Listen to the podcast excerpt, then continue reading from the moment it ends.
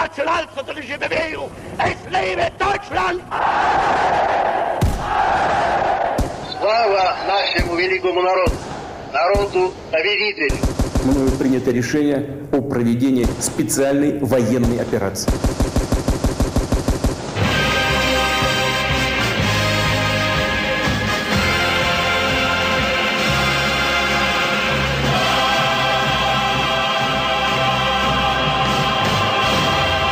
Diktaatorid. tere tulemast kuulama saadet Diktaatorid.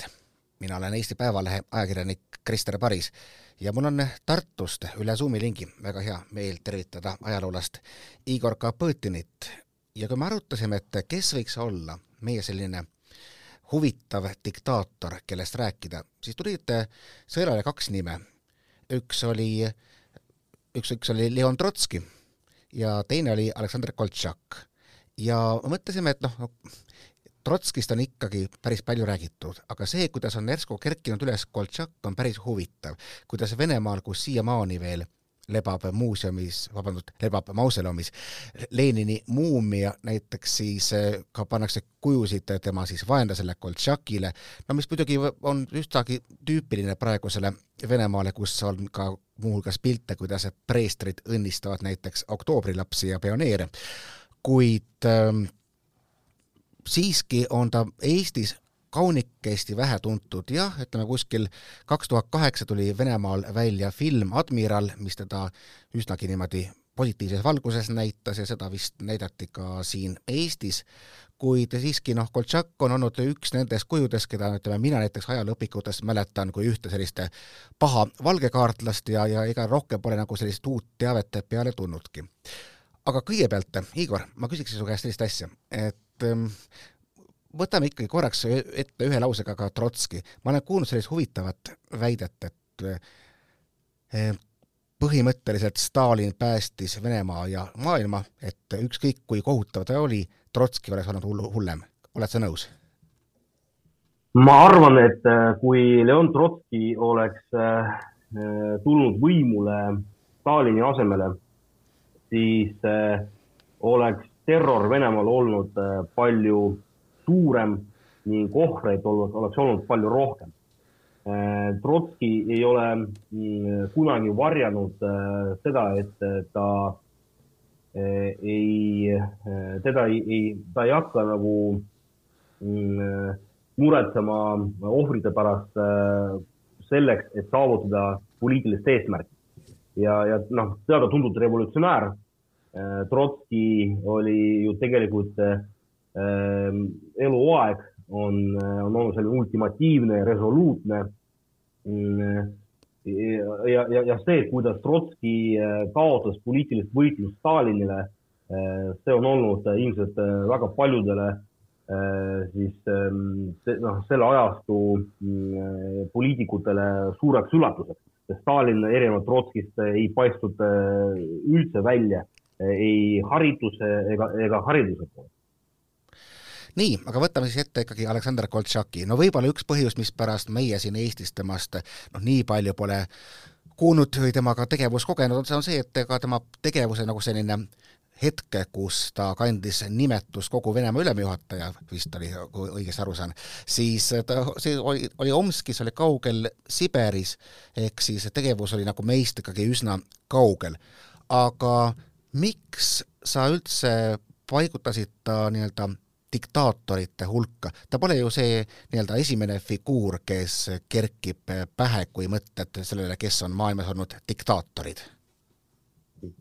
Jaa, Koltšaki figuur on, on üsna huvitav äh, ja tänapäeval võib-olla aktuaalne ka seetõttu, et mulle tundub, et äh, praegune Venemaa diktaator Vladimir Putin on äh, mõnes mõttes vaimustatud või, või, või Koltšaki kuju imponeerib Putinit et ähm, teatavasti Putin on ähm, üritanud oma kaasaegse Vene ideoloogia ülesehitamisel kasutada erinevaid elemente, mida on laenatud äh, nii Nõukogude Liidu kui ka Vene tsaari Venemaa ajaloost.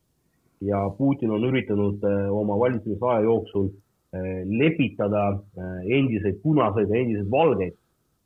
selleks oli näiteks korraldatud Putini eestvedamisel sümboolne Vene emigrantide järglaste tagasitulek Venemaale Bizerta. Bizerta on sadam Tuneesias, eks ole, ja Bizertas, Bizertast laev Vene emigrandi järglastega mm, jõudis Sevastopolisse, mis pidi näitama Vene kodusõja lõppu, et, enam ei ole punaseid ja valgeid ja nüüd on, võib siis impeeriumid edasi ehitada. ja, ja kui, kui äh, siin viimastel aastatel Venemaal on iseenesest, noh, minu teada on paljud mälestusmärgid või tahvlid Vene valgete liidritele, näiteks kasakatele, on maha võetud, siis Koltšaki kuju mis on püstitatud äh, Irkutskis, äh, kus ta oli maha lastud. see on äh, üks vähestest Vene valgete liidrite kujudest, mida Putin ei ole puudutanud. lisaks sellele Putin on ühe korra maininud ähm, võimalust presidendi ameti, ametit asendada ülemvalitseja ametile ja ülemvalitseja Venemaa ajaloos on olnud ainult üks figuur, üks inimene, see oli olnud admiral Aleksandr Vassiljevitš Koltšak. minu hinnangul Koltšaki puhul oli tegemist eh, läbi kukkunud eba, ebaõnnestunud diktaatorina. Eh, formaalselt ta on olnud eh, diktaatorina ja, ja Venemaa ülemvalitsejana küll lühikest aega ja, ja tema võim oli üsna piiratud. kuid, kuid, kuid sellegipoolest formaalselt ta on olnud diktaator ja, ja tema võib-olla mõju äh, mõneti avaldub ka, ka tänapäeval äh, läbi selle kuvandi, mida on hakatud äh, looma juba perestroika ajal või glastluste ajal ähm, ning mis on jõudnud ka tänapäeva siis äh, Venemaa mõneti siis noh, noh ideologi, ideologiseeritud ajanarratiivi. et ähm, Koltšaki näidatakse tõe, tõepoolest sellises üksnes nagu positiivsest rollist. et ähm, aga, aga ütleme nii, et tõesti, kui eh, ütleme, Vene aja inimesed mäletavad või noh, need, kes on elanud eh, Nõukogude Liidu ajal, eh, ilmselt teavad Koltšaki kui mm, Vene-Valgete juhti Siberis, siis tegelikult väga paljud ei tea, et Koltšak on olnud väga talendikas, andekas mereteadlane.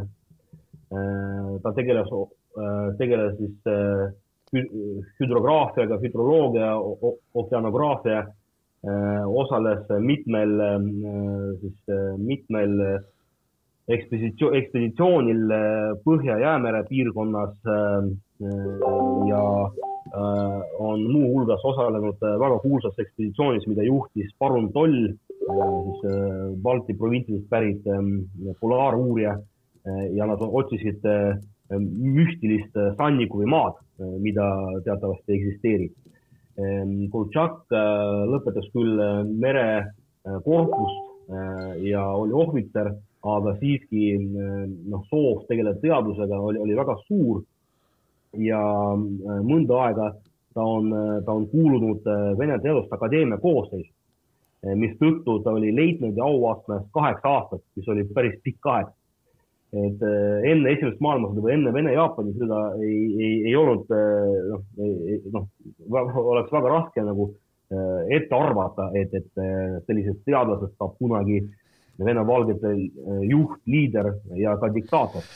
see on täitsa, täitsa, täitsa, täitsa huvitav, ma nagu segan vahele, et ma just rääkisin ka David Vseviga ühes eelmistest saadetest ja siis ta tõi välja nagu on kahte tüüpi diktaatorid, et ühed, kes on nagu roninud üles ja teised, kes on kuidagi kas sinna pandud või siis sattunud läbi rahvarevolutsiooni, siis Koltšak on hoopis mingit neljandat tüüpi, kes minu meelest üldse ei tahtnudki saada Venemaa valitsejaks.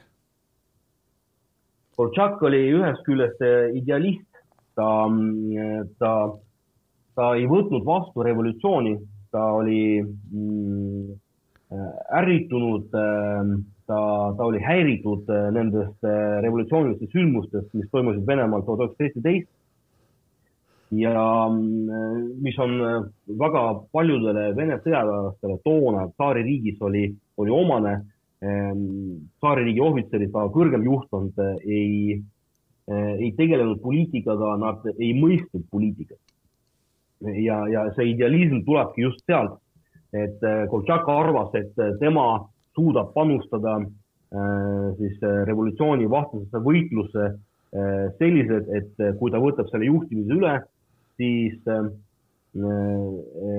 ta, ta on võimeline saavutama võidu bolševikude üle ning taastama Venemaal siis õiglus ja õigus ja, ja seda nimetati hiljem ka Vene sõja, sõjaväe immigratsioonis kui ehk siis Vene-valgete juhid, kes olid sõjaväelased, lisaks Koltšakile Denikin, Jüdenitš ja kõik teised, nad, nad, nad arvasid, et, et vot Vene armee ja laevastik on, no ütleme, see, sellest kõige parem osa on siis ohvitserkond, on need, kes juhivad revolutsiooni vastast võitlust, vabastavad Moskva Petrogradi ning siis nad annavad võimu üle poliitikutele.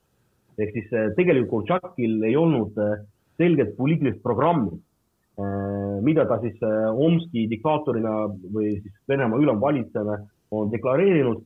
Äh, ta deklareeris seda, et, et Vene Valge armee vabastab bolševikest Kesk-Venemaa ja siis kutsutakse kokku uuesti mm, asutav kogu ja asutav kogu peab otsustama Venemaa tuleviku üle, kas sellest saab vabariik või tuleb tagasi monarhia, siis tuleb monarhia Romanovite restauratsioon aga äh, lihtrahvale, vene rahvale äh, need valgete ideed olid arusaamatud. kui bolševikud nõudsid ähm, rahu, äh, leiba, eks ole, kõigile töölistele tehaseid, eks ole, jagada, siis ähm, võitlus Asutava Kogu nimel või pärast, eks ole, see oli lihtrahvale täiesti arusaamatu. et ähm, ja, ja, ja see, et kuigi Koltšak on olnud siis väga hea ohvitser Äh, väga äh, hea teadlane, eks ole. et äh, esimeses maailmasõjas ta näiteks juhtis miinidiviisi, mille ülesandeks oli siis miinide, miiniväljade rajamine Läänemerel, kusjuures tema juhitud üksuse staap paiknes Tallinnas. Koltšak oli viibinud ilmselt Tallinnas, et seda muidugi peaks kontrollima, et kas tal, kas ta oli diviisi ülemana laevas, laeval olnud või oli tal siis ähm, Tallinnas mõni siis korter, eks ole, kui, kui toona siis juba kontoradmiral.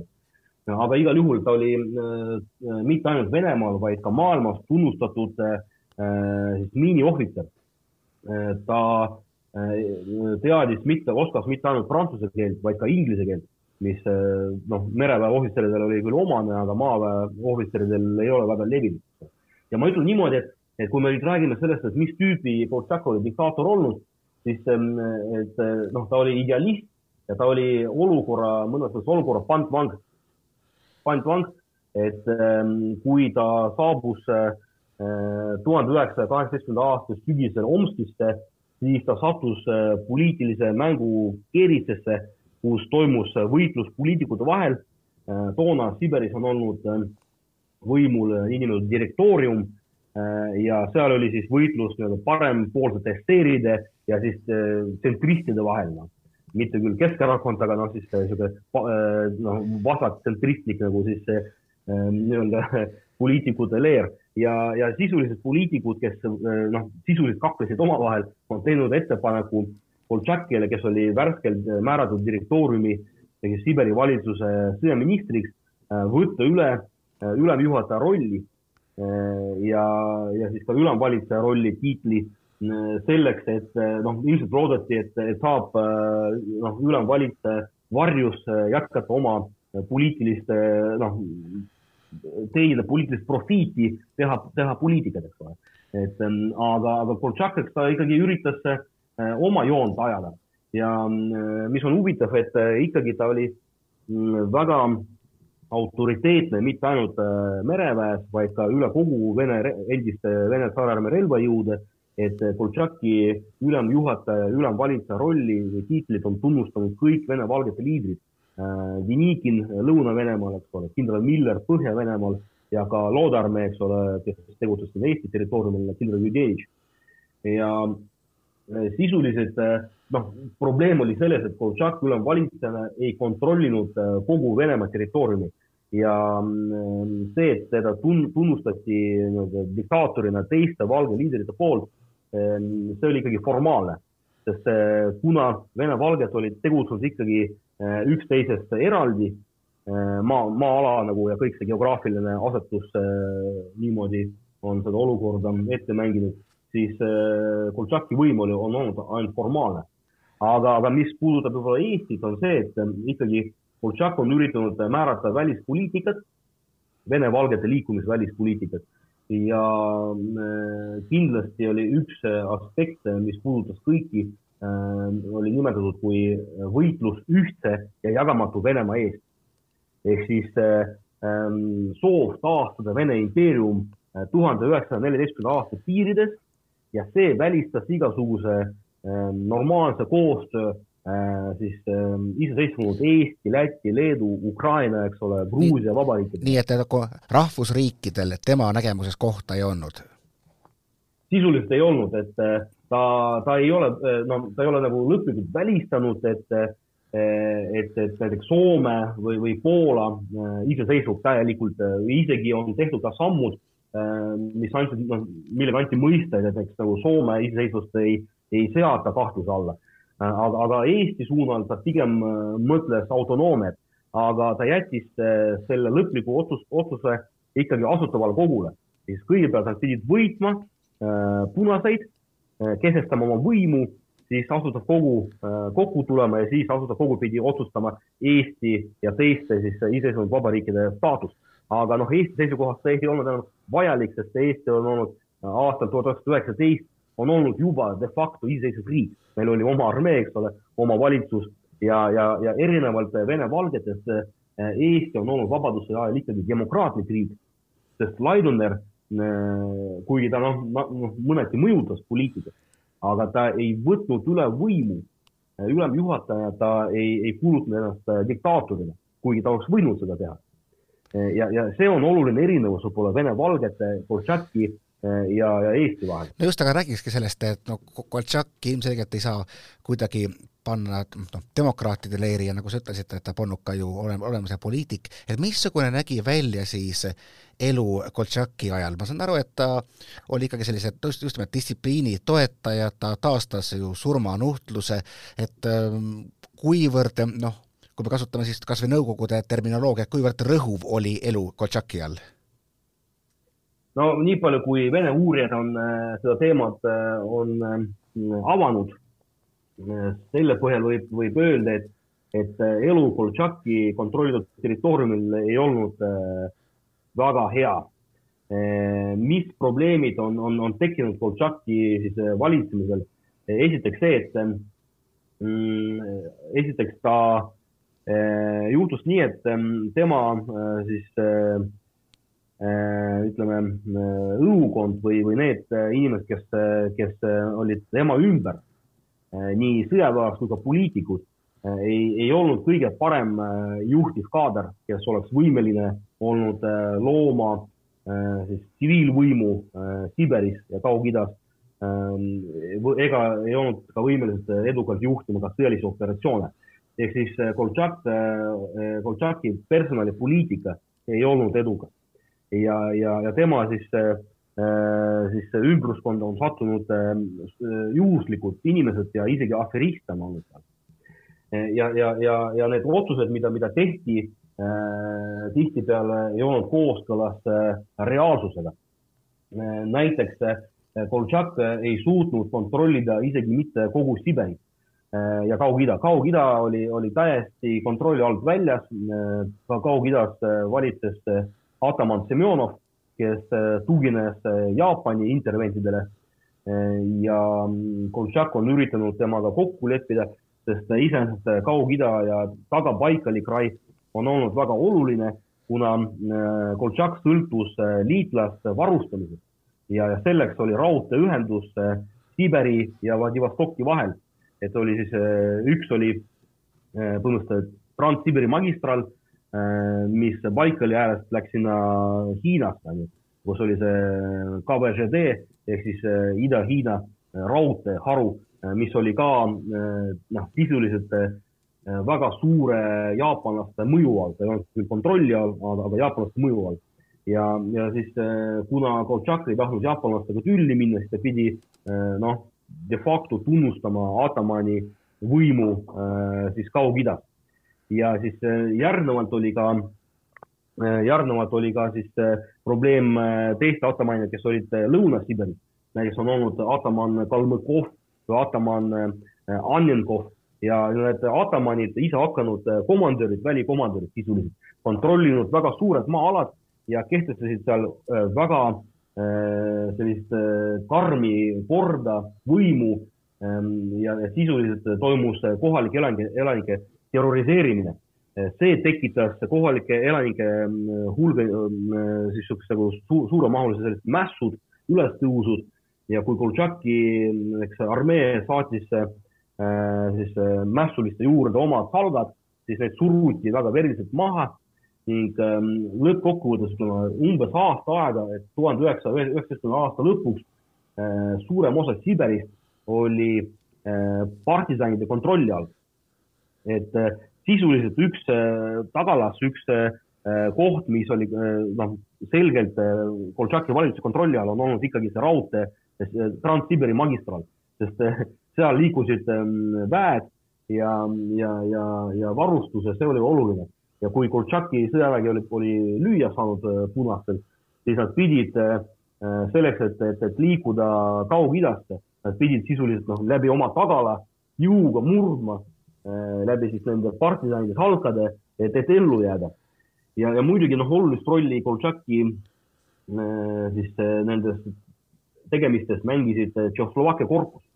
vot sinna ma, sinna, sinna ma tahtsingi jõuda, see oli väga huvitav huvitav nähtus üldse, see su suur Tšehhoslovakkide üksus kuskil kaugel Siberis ja, ja ta, ma saan aru, et ta mängis rolli nii Koltšaki võimule tulekus kui ka lõpuks siis tema noh, kaotuses see on väga-väga huvitav tõesti, et kuidas Tšehhoslovakid, see on see, Koltšaki puhul on üks asi see huvitav, et kuidas admiral juhtis eh, maaväge, on ju ja, ja noh, siin tulebki, tulebki välja, et, et mereväelased tegelikult eh, maaväe taktikast ja strateegiast aru ei saanud, on ju. ja, ja, ja, ja, ja võib-olla seetõttu on sattunud tema ümbruskonda sellised eh, kindralid, kes eh, pigem ei, ei olnud võimelised edukat operatsiooni nagu läbi viima. ja teine asjaolu oligi see Tšehhoslovakkide, Tšehhoslovakkide roll. Tšehhoslovakkia korpus moodustati Siberist Austria-Ungari sõjavangidest, kes olid enamasti Tšehhi või siis Slovakkia päritolu. Teatavasti tšehhid ja slovakid Austria-Ungari alamatena ei, ei, tahtsid võidelda Habsburgide vastu Tšehhoslovakkia vabariigi eest ja Venemaa, Vene tsaari valitsus ja ka hiljem ajutine valitsus on andnud selle võimaluse ja siis äh, nendest sõjavangidest, kes olid Tšehhi ja Slovakkia päritolu, nendest moodustati siis esialgu diviis, hiljem terve korpus äh,. aga kui korpus oli valmis, siis oli revolutsiooni aeg, tuhat üheksasada seitseteist, äh, tsaar kukutati, eks ole, võimult äh, või ta nagu siis loobus, loobus troonilt. Äh, siis ajutine valitsus, kõik, kogu kollaps ja siis oligi küsimus, mida teha hambuni relvastatud tšehhidega, kes on kaugel-kaugel Venemaalt Siberis, eks ole. ja esialgne plaan oli välja viia Tšehhoslovakkia korpus mööda raudteed Vladivostoki ja sealt siis laevadega läänerindele liitlaste kaasabil, et nad saaksid toetada Prantsusmaa ja noh, liitlaste sõjalisi operatsioone Prantsusmaa, Saksamaa vastu. Kuid juhtus olukord selline, kui Tšehhoslovakid liikusid läbi Siberi, läbi selle Trans-Siberi magistraali, on tekkinud konflikt kohalike bolševikudega. Ja tšehhid, noh, tšehhid nii-öelda tõstsid mässu punaste vastu. Ja seda ametlikust nõukogude historiograafiast nimetati kui Metjež, eks ole, Tšehhoslovakkia Metjež või Metjež Tšehhoslovakkia korpus. Ehk Tšehhoslovakkia korpuse mäss, et punavõimu vastu. ja, ja kuna punased ei olnud veel Siberis tuhat üheksasaja kaheksateistkümnenda aasta suvel äh, ei ole veel organiseerunud, neil ei olnud veel äh, tõsiseid äh, relvajõude seal, siis Tšehhoslovakkia korpusel õnnestus väga kiiresti lühikese aja jooksul võtta kontrolli alla väga suured maa-alad. muuhulgas nad valutasid Kaasani linna ja suure osa äh, Tsaari Venemaa äh, kullavarust. ja, ja kui Koltšak äh, on jõudnud Omskisse tuhat üheksasada, tuhat üheksasada kaheksateist lõpus, eks ole, ja sai direktooriumi sõjaministriks ja hiljem ka diktaatoriks, siis ta pidi arvestama Tšehhoslovakkidega, sest nad on olnud üks kõige kindlam ja tugevam relvajõud või, või niisuguse noh, sõjaline formatsioon Siberis, kes ei vahetanud poolt kes olid väga truud, noh, sest nad, nad, nad, nad olid välismaalased, noh, neil ei olnud noh, väga poolt vahetada. erinevad Vene valgedest sõduritest, kes võisid ühes lahingus sõdida valgete poolel, teine lahing juba punaste poole ja uuesti poolt et tšehhid seda ei teinud, sellepärast nad olid väga kindlad. Ja kuna nad olid väga hästi organiseeritud ja relvastatud, siis Koltšak jagas nendega võimu. näiteks Tšehhoslovakkia korpuse, korpuses võrsunud kindral Gaida või, või siis Geidel oli, oli siis ülendatud kindraliks ja ta juhtis tervet armeed, et siis Koltšaki relvajõududes tervet armeed, Sibiri, Sibirsk armee, Vostočne Sibirsk armee. ja, ja kui lugeda näiteks kindral Gaida või Geideli siis mälestusi, siis ta toob välja, tegelikult ta ise välismaalasena teeb kriitikat Koltšaki valitsuse vastu. ta nägi seda, et valitsus ei olnud efektiivne, nad ei suutnud valitseda tagala-alad rindel, rindeoperatsioonide läbiviimisel on tehtud fataalseid vigu, mis lõppesid kogu siis relvajõudude siis lüüa saamisega, katastroofiga. ja, ja lõpuks Tšehhoslovakid mängisid ka, ka ikkagi otsustavat rolli Koltšaki enda biograafias, sest kui Koltšaki relvajõud oli purustatud ja nad hakkasid taganema, siis Koltšak sattus jällegi Tšehhoslovakkia nagu siis korpuse tääkide valve alla, sest nad olid jällegi kõige, nad säilitasid lahinguvõimekuse vaatamata väga keerulisele sõjapoliitilisele olukorrale.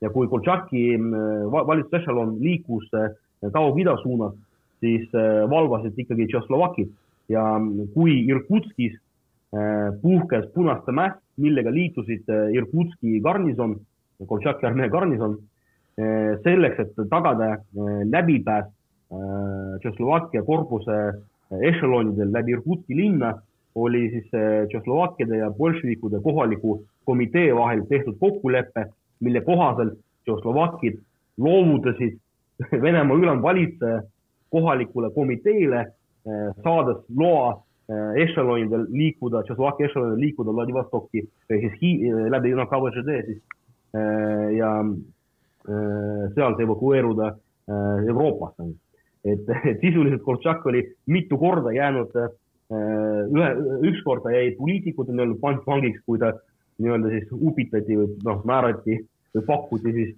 ülemjuhataja, ülemvalitseja rolli ja sellega ta ei saanud tegelikult hakkama paraku. see ja tšehhide teine oli siis ja just ja teine oli siis Tšehhoslovakkia, Tšehhoslovakkia siis pantvank on ju. see tšehhide teema on väga huvitav, ma olen ka kuulnud seda, et et ka tsaari perekonna mahalaskmises võisid, võis olla roll selles, et just nimelt tšehhid olid parasjagu tungimas peale Jekaterinburgile ja, ja siis otsustati kiiresti likvideerida. ja, ja just ja, ja muidugi noh, huvitav detail võib olla ka see, et, et näiteks tšehhidega koos sõdisid ka mõned Vene valged, näiteks üks, üks huvitav figuur oli Koltšakov, koltšakovlane kindral Vaitsehovski kes sõdis venelasena, vene ohvitserina, sõdis vene kindralina, oli Tšehhoslovakkia korpuse teenistuses ja hiljem evakueerus koos tšehhidega Tšehhoslovakkiasse ja, ja oli jätkanud teenistust Tšehhoslovakkia sõjaväes, relvajõududes kahe maailmasõja vahel. Ning lõpuks sai diviisi ülemaks ja oli ka põrandaaluse Tšehhoslovakkia valitsuse selle teise maailmasõja ajal, Tšehhoslovakkia põrandaaluse valitsuse sõjaminister et, et, et seal nagu väga-väga hästi nagu läbi, tihedalt läbi põimitud on see Tšehhoslovakkia küsimus ja Vene valgete liikumine Siberis ja Bolšaki valitsus. tõesti, täitsa huvitav, et kui siiamaani nagu Venemaa ametlik historiograafia tihti nagu käsitleb poolakaid kui sellise nii-öelda Vene, Venemaa saatuse määrajaid ja sellest tuleb ka, ka paljude Vene valitsejate siis viha Poola vastu, siis Tšehhoslovakkidest on nagu olnud mõnevõrra võib-olla ka vähem juttu, aga võta, võtame nüüd siis ikka lõpuks kokku ka selle noh, Koltšaki lõpu, et jah, tšehhid andsid ta bolševikele üle, kas siis oli jutt kiire ja lühike? et eks ta nagu, seda tuleb meelde kohe see, seesamune film, mida, mida sa oled maininud, eks ole, mis oli kaks tuhat kaheksateist ilmunud, jah. mis on nagu sellise paatusega tehtud ja, ja see see stseen on ka seal nagu hästi näidatud, kuidas Koltšak nagu üle anti. seal oli tegelikult, mis vastab tõele, oli see fakt, et Koltšakil kaasas oli isiklik konvoi ehk siis isiklik ihukaitseüksus ja konvoi oli nõus Koltšaki kaitsma relvadega. ja, ja siis Koltšak andis korralduse konvoile laiali minna selleks, et, et säilitada äh, iga sõduri elu. Ta ütles, et, et minu pärast ei, ei pea surema. ja, ja see tegelikult näitas seda, et ta, ta, ta võib-olla, Koltšak ei sobinud diktaatoriks oma võib-olla äh, isikuomaduste poolest, et et ta ikkagi oli nagu ikkagi aateline ohvitser, idealist, kes ei mõistnud poliitikat ja, ja, ja ta nagu jäi nagu sellises aateliseks võib-olla nagu tõesti kuni elu lõpuni et ähm, mis nüüd edasi on, on see, et Koltšaki äh, hoiti siis Irkutskis vanglas, eks ole, ja on tehtud ka, ka tema üle, tema ülekuulamine. Äh, ja kuna oli oht, et äh, Irkutski linn võis langeda uuesti Vene-Valgede kontrolli alla, kuna linnale siis lähenesid siis Oskar Kappeli juhi, juhitud Vene-Valgede siis Äh, löögiüksused, mis olid väga äh, võitlusvõimelised, siis äh, oli võetud vastu otsus selle tribunali poolt Koltšak ja tema, temaga koos olnud valitsuse, valitsuse liige Petelev maha lasta ja, ja visata need siis jõkke. nüüd, mis on huvitav see, et, et minu poole nüüd pöördus siis Aleksei Navalnõiga seotud õiguskaitsebüroo tiim kakskümmend üheksa Äh, see juhtus veel enne Ukraina-Vene sõda, eks ole. palvega äh, siis ähm, toetada neid ja, ja koos äh, kaevata põhiseaduse kohtusse Koltšaki asjad. ehk siis probleem seisneb selles, et kuigi, et ütleme niimoodi, üks asi see, et Koltšak ei ole Venemaas siiamaani rehabiliteeritud. noh, kas peab teda rehabiliteerima või mitte, noh, et see on niisugune nagu retooriline küsimus, et kui inimene on, on eluaeg kogu oma elu võidelnud põhimõtteliselt ähm, bolševikide vastu siis võib-olla ta ei vajagi nende, nende poolest rehabiliteerimist. Aga, aga nüüd see, et, et tegemist ikkagi on, on ajaloolise isik, isiksusega, eh, kuid tema eh, siis isikutoimik, näiteks ülekuulamisprotokollid on osaliselt küll avaldatud, aga see nii-öelda kriminaalasi, see toimik, mis sisaldab peale ülekuulamisprotokolli veel dokumente, on FSB arhiivis ja, ja sinna ei ole võimalik ajaloo uurijatel pääseda ning äh, me kaevasime siis FSB arhiivkohtusse, et äh, sellega, et, et nad nagu ikkagi äh, saaksid tagada noh, teoreetiliselt ligipääs siis uurijatel toimikule. no muidugi selle Ukraina-Vene sõja nüüd taustal, see on, tundub vähe tähtis asi, eks ole. et kuid noh, probleem on, on laiem, sest näiteks kui me räägime ka, ka eestlastest, kes olid represseeritud ja kes on isegi rehabiliteeritud, aga kui nende toimikud on FSB arhiivis siis äh, ei saa uurija äh, sinna ligi, sest selleks, et FSB arhiivi territooriumil pääseda, peab olema riigisaladuse luba, Vene oma niimoodi, aga võtame siis kokku ikkagi selle ka Koltšaki no pärandi, sa juba saate alguses mainisid, et ka paljuski ta noh, imponeerib ka Putinile. nüüd, kui on olnud siin jutud ka seoses sõjaga, et võimalik, et äkki siis kõrgem ohvitserkond võtab Putini maha, siis on ka just juhitud tähelepanu sellele, et Vene armee on olnud läbi ajaloo alati apoliitiline, ehk siis nagu Koltšak, kui ma oleks Putin, ma näeksin temas sellist ideaalset sõdurit, kes alati kuuletub, viib vajaliku julmusega ellu noh, projekti ja samas ei ole kunagi noh, pretendent tegelikult võimule? Vaat Putin ei ole sõjaväelane, Putin on äh, tšekist, eks ole. Ja mm, aga no mis on nagu huvitav, ma arvan eh,, kui lugeda näiteks eh, venelaste ajakirja, sõjateoreetiline ajakiri Vojenna mõtl, siis eh, juba üheksakümnendate aastate algul tekkis Nõukogude või noh, Vene armee siis sees ohvitseride seas frustratsioon, et kui riik on loobunud kommunistlikust ideoloogiast ja oli toona arusaadav, et, et see kommunistlik ideoloogia ei päde, siis Vene armee üheksakümnendatel aastatel mõistis selgelt, et, et, et ta vajab mingit ideed.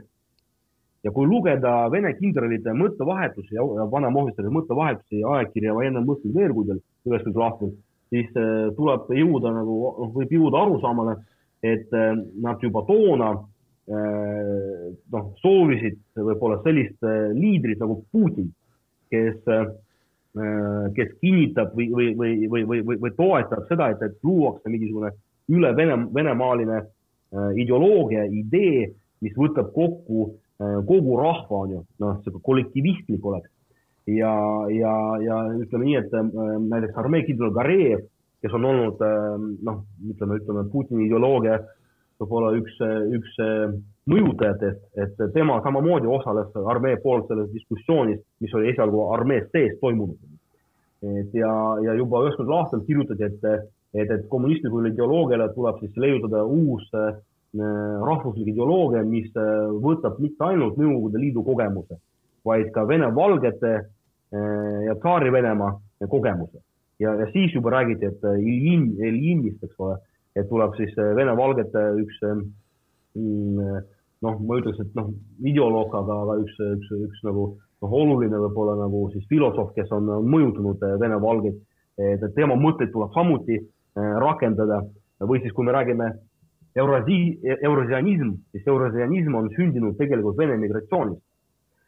Et eh, ma muidugi isiklikult ei ole sugugi kindel, et kui, kui Koltšak või, või filosoof Iljin oleks olnud elus, on ju, et nad praeguses olukorras toetaksid Putinit, on ju et äh, peab mõistma, et Vene armee, mis ta praegu on, et ta on ikkagi Nõukogude Liidu, Nõukogude armee äh, järglane ja, ja praeguse Vene armee äh, algusaasta on tuhat üheksasada kaheksateist. et noh, mis siis on kakskümmend kolm veebruar, on ju sümboolsed on ju. ta, ta, ta ei ole selle tsaari Venemaa armee mingisugune traditsioonide nagu siis järglane ja, ja, ja sellepärast Äh, see, et Koltšak ja Iljin ja, ja, ja tsaari Vene võib-olla äh, ajaloost võetud elemendid ei sobitu tänapäeva Putini ideoloogiasse, see on ilmselge. see on selline nagu noh, noh, kakofooniline selline või, ähm, või noh, sihuke sümbioos erinevatest äh, üksteist välistavatest sümbolitest ja ideedest. Ja ma arvan, et selles ka peitub Putini ideoloogia nõrkus. et ta, ta võtab kokku erinevaid mõtteid, mis ja, ja, ja, ja üksteist välistavaid tegureid oh, see kõik ikka, ikka väga huvitav, et me võiksime ilmselt rääkida tunde, aga tõmbame oma podcasti praegu osad kokku. et suur aitäh Igor Kapõtinile, kes rääkis meile siis ennekõike Koltšakist, aga puudutasime ka näiteks Trotskit ja, ja, ja Putinit eetris oli saade Diktaatorid, mina olen Krister Paris, Eesti Päevalehe ajakirjanik ja jälle kuulmiseni siis järgmistes saadetes.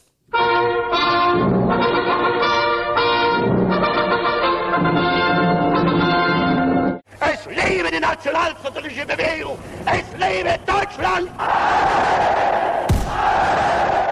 Слава нашему великому народу, народу победителю! Мною принято решение о проведении специальной военной операции.